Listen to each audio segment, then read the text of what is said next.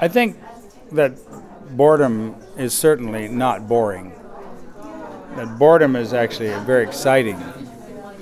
When you think about your experience uh, in a boring performance, we've all been to, I don't mean that, you know, a Mozart concert that is badly performed. I mean a work of art that is intentionally boring. So someone is going to, you know, scratch on the microphone like this for an hour. You sit there, and within the first minute, you realize, oh, okay, this is going to be an hour. Do I leave now? I got the picture. I know what's going to happen. I could leave now. But if you leave now, you deny yourself the experience of boredom. So then what happens is you go through all of these mental and emotional states, including irritation, uh, forgetfulness, you think about something else, distraction, you come back to it. Uh, you have a certain kind of militant determination to see it through to the end. Yes, I can do this. There's a kind of heroism that's involved. And on and on and on it goes. I can't give you the list of different actually visceral, physical body reactions, mental reactions, emotional, and even spiritual reactions. You know, boredom as a meditative state. I'm sure that samadhi uh, in nirvana is actually quite boring because there's nothing happening. There is a politics to the intentionally boring performance or event, which is a kind of becomes a kind of resistance to entertainment. I know that, for example, most major radio stations, whether they're commercial stations or, or state run stations, are equipped with an alarm so that if there's more than 10 seconds of silence, suddenly the whole thing goes into a panic and the president is phoned in the middle of the night to get out of bed. It's like everyone completely freaks out because they're terrified of silence. They're actually terrified of boredom. And that so that boredom actually has this kind of it's a subversive expose of the charade of the simulacrum of of entertainment and and and the and the false nature of information you know that we're we're giving you some information. But you know boredom takes many forms. I don't have a television. So i'm in the hotel room here and i decide oh i'll check out the german tv and see what it looks like. And it, i mean it's you watch it for a while you pass the point of boredom through the point of irritation to something else. Now, can I say that the German mainstream television is actually politically subversive? No, it's just irritating, and and of course it shows you how how boring capitalism can be. So depends i think it's a relative thing it depends on your point of view depends on the power relationship who's boring who here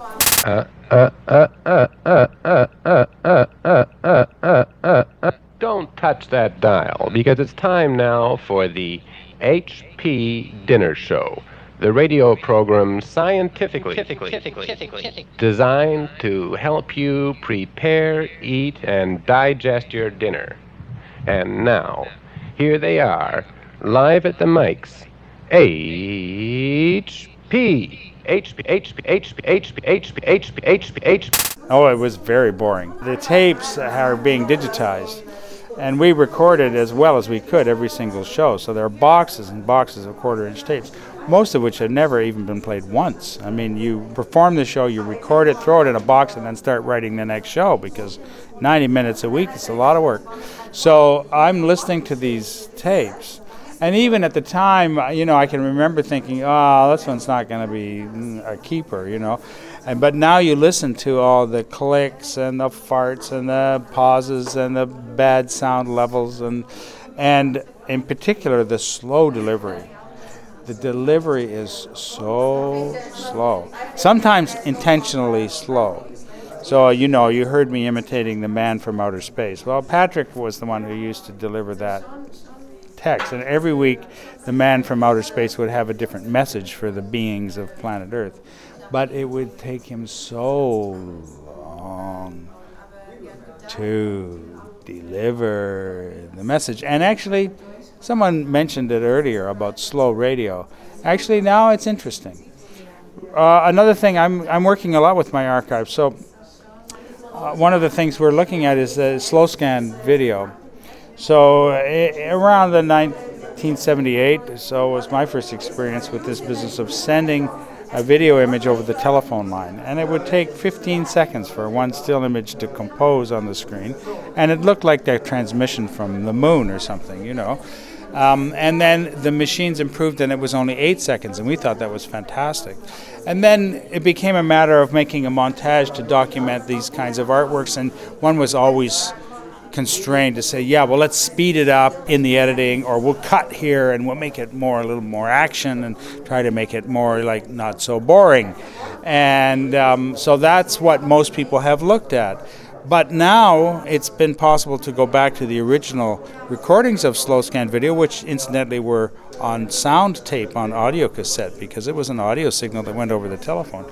So this is already a kind of curious thing for people who are 25 years old. You have video on an audio cassette? Well, I like to see that.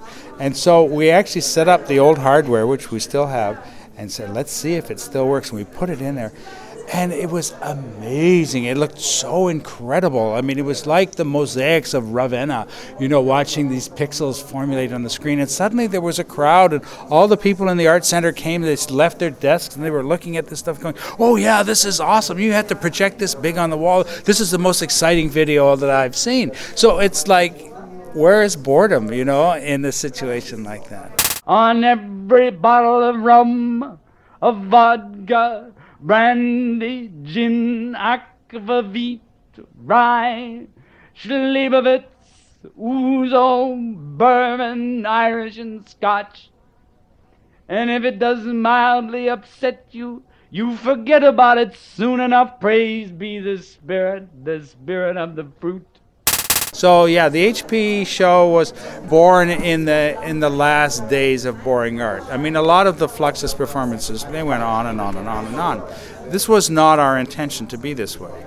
Our intention was that um, we are broadcasting on the radio to housewives, to truck drivers, to children, to cooks working in restaurants, to ordinary people. And we don't want them to be bored. We want them to, to laugh. We want them to be entertained. We want them to have fun. And we want them to think. And one of the great compliments that we got from one of our listeners was that, yes, when I listen to your show, you make me laugh and think at the same time. And that was heaven. So we believed in this idea of communication we were not going to uh, broadcast the sound of a car engine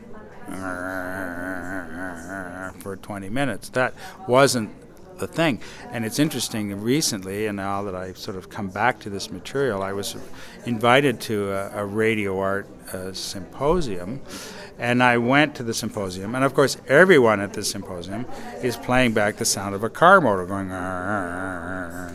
And they said, "Well, would you would you play some of our stuff?" And I had a little bit of the HP radio show, and it was the two of us sitting at a microphone and talking. And then they said, "That's not radio art.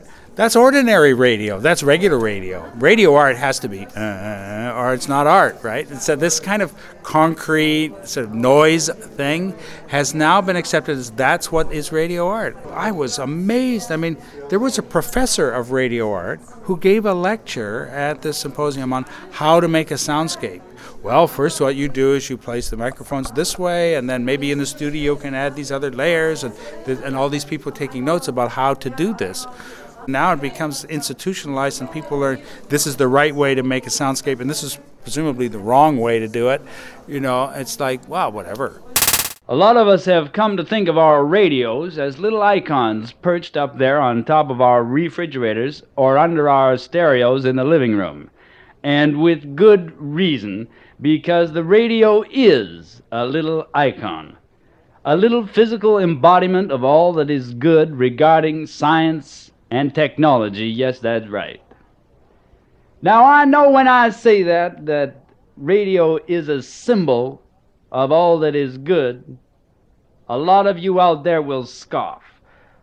Well, we have a schizophrenic situation now with archives. Of course, you know, the archive as the landscape or the archive as the source of art material, this has been, you know, a la mode already for 10 years or more. And you sort of feel, okay, enough with the archive, we're finished with the archive now um, on the one hand. And then, of course, you see the state descending on places like Weserburg, and we see this in Canada, saying, "Oh yeah, the, we don't need the archive anymore. Let's just melt those films and throw them out. They've all been digitized. Let's close the libraries. The book is a thing of the past. Blah blah blah." We hear this tirade, which of course is just a repressive censorship ideology. And then, on the other hand, there's this obsession to collect everything and to, to reproduce everything, and ev- nothing must be lost. So, these two movements going on at the same time is a kind of schizophrenic situation. The cavemen only worked a little bit. They worked maybe eight hours a week, not eight hours a day. I don't think that any discussion of boredom and the archive would be complete without a reference to the NSA and to their idea. The motto of the National Security Agency is collect it all. The director had this on his door, and this was into the head of every employee 30,000 people with the idea that every cell phone call that's made, even from a flying airplane, we must capture that. We must capture all the information in the world, all of it, all the time, and we must store it all of the time. And they've built a building, probably the largest building in the world, somewhere in Utah, which is full of these little terabyte hard drives that it, the idea is to record these billions and billions of messages every day. Completely obsessed with this idea. And yet when they are asked by the congressional congress to say and what have you learned from this? What terrorist attack? What bank robber have you foiled with this information. They have done nothing with this information. It's been useless. And all of the attempted, uh, you know, attacks that have been stopped have been stopped by some passerby on the street who had a sharp eye, or some detective who was doing traditional police work using technologies and methodologies that were developed 50 or 100 years ago. Those are the people who have stopped these things. That all of this obsession of the NSA has stopped nothing. It's done nothing. All it has done is fed this obsession with the archive is you are being archived your every thought is being archived by somebody else in order to control you and what you buy and there's we here we are it's like orwellian situation that we have. So it's quite relevant to talk about boredom. What could, what could be more boring than all the information in the world especially when it's useless? Now, every one of you should search within your mind whether or not you believe in the mind theory. Open all the drawers up there within your old fashioned skull bones that radio has written on them. Take out those files and have a deep, hard look. Because it's time now to listen to the radio. It's time now to listen to the radio that's been scientifically developed to help you to prepare, eat, and digest your dinner. It's time now for the HP Dinner Show. HP, HP, HP, HP, HP, HP, HP, HP, HP, HP, HP, HP, HP, HP, HP, HP,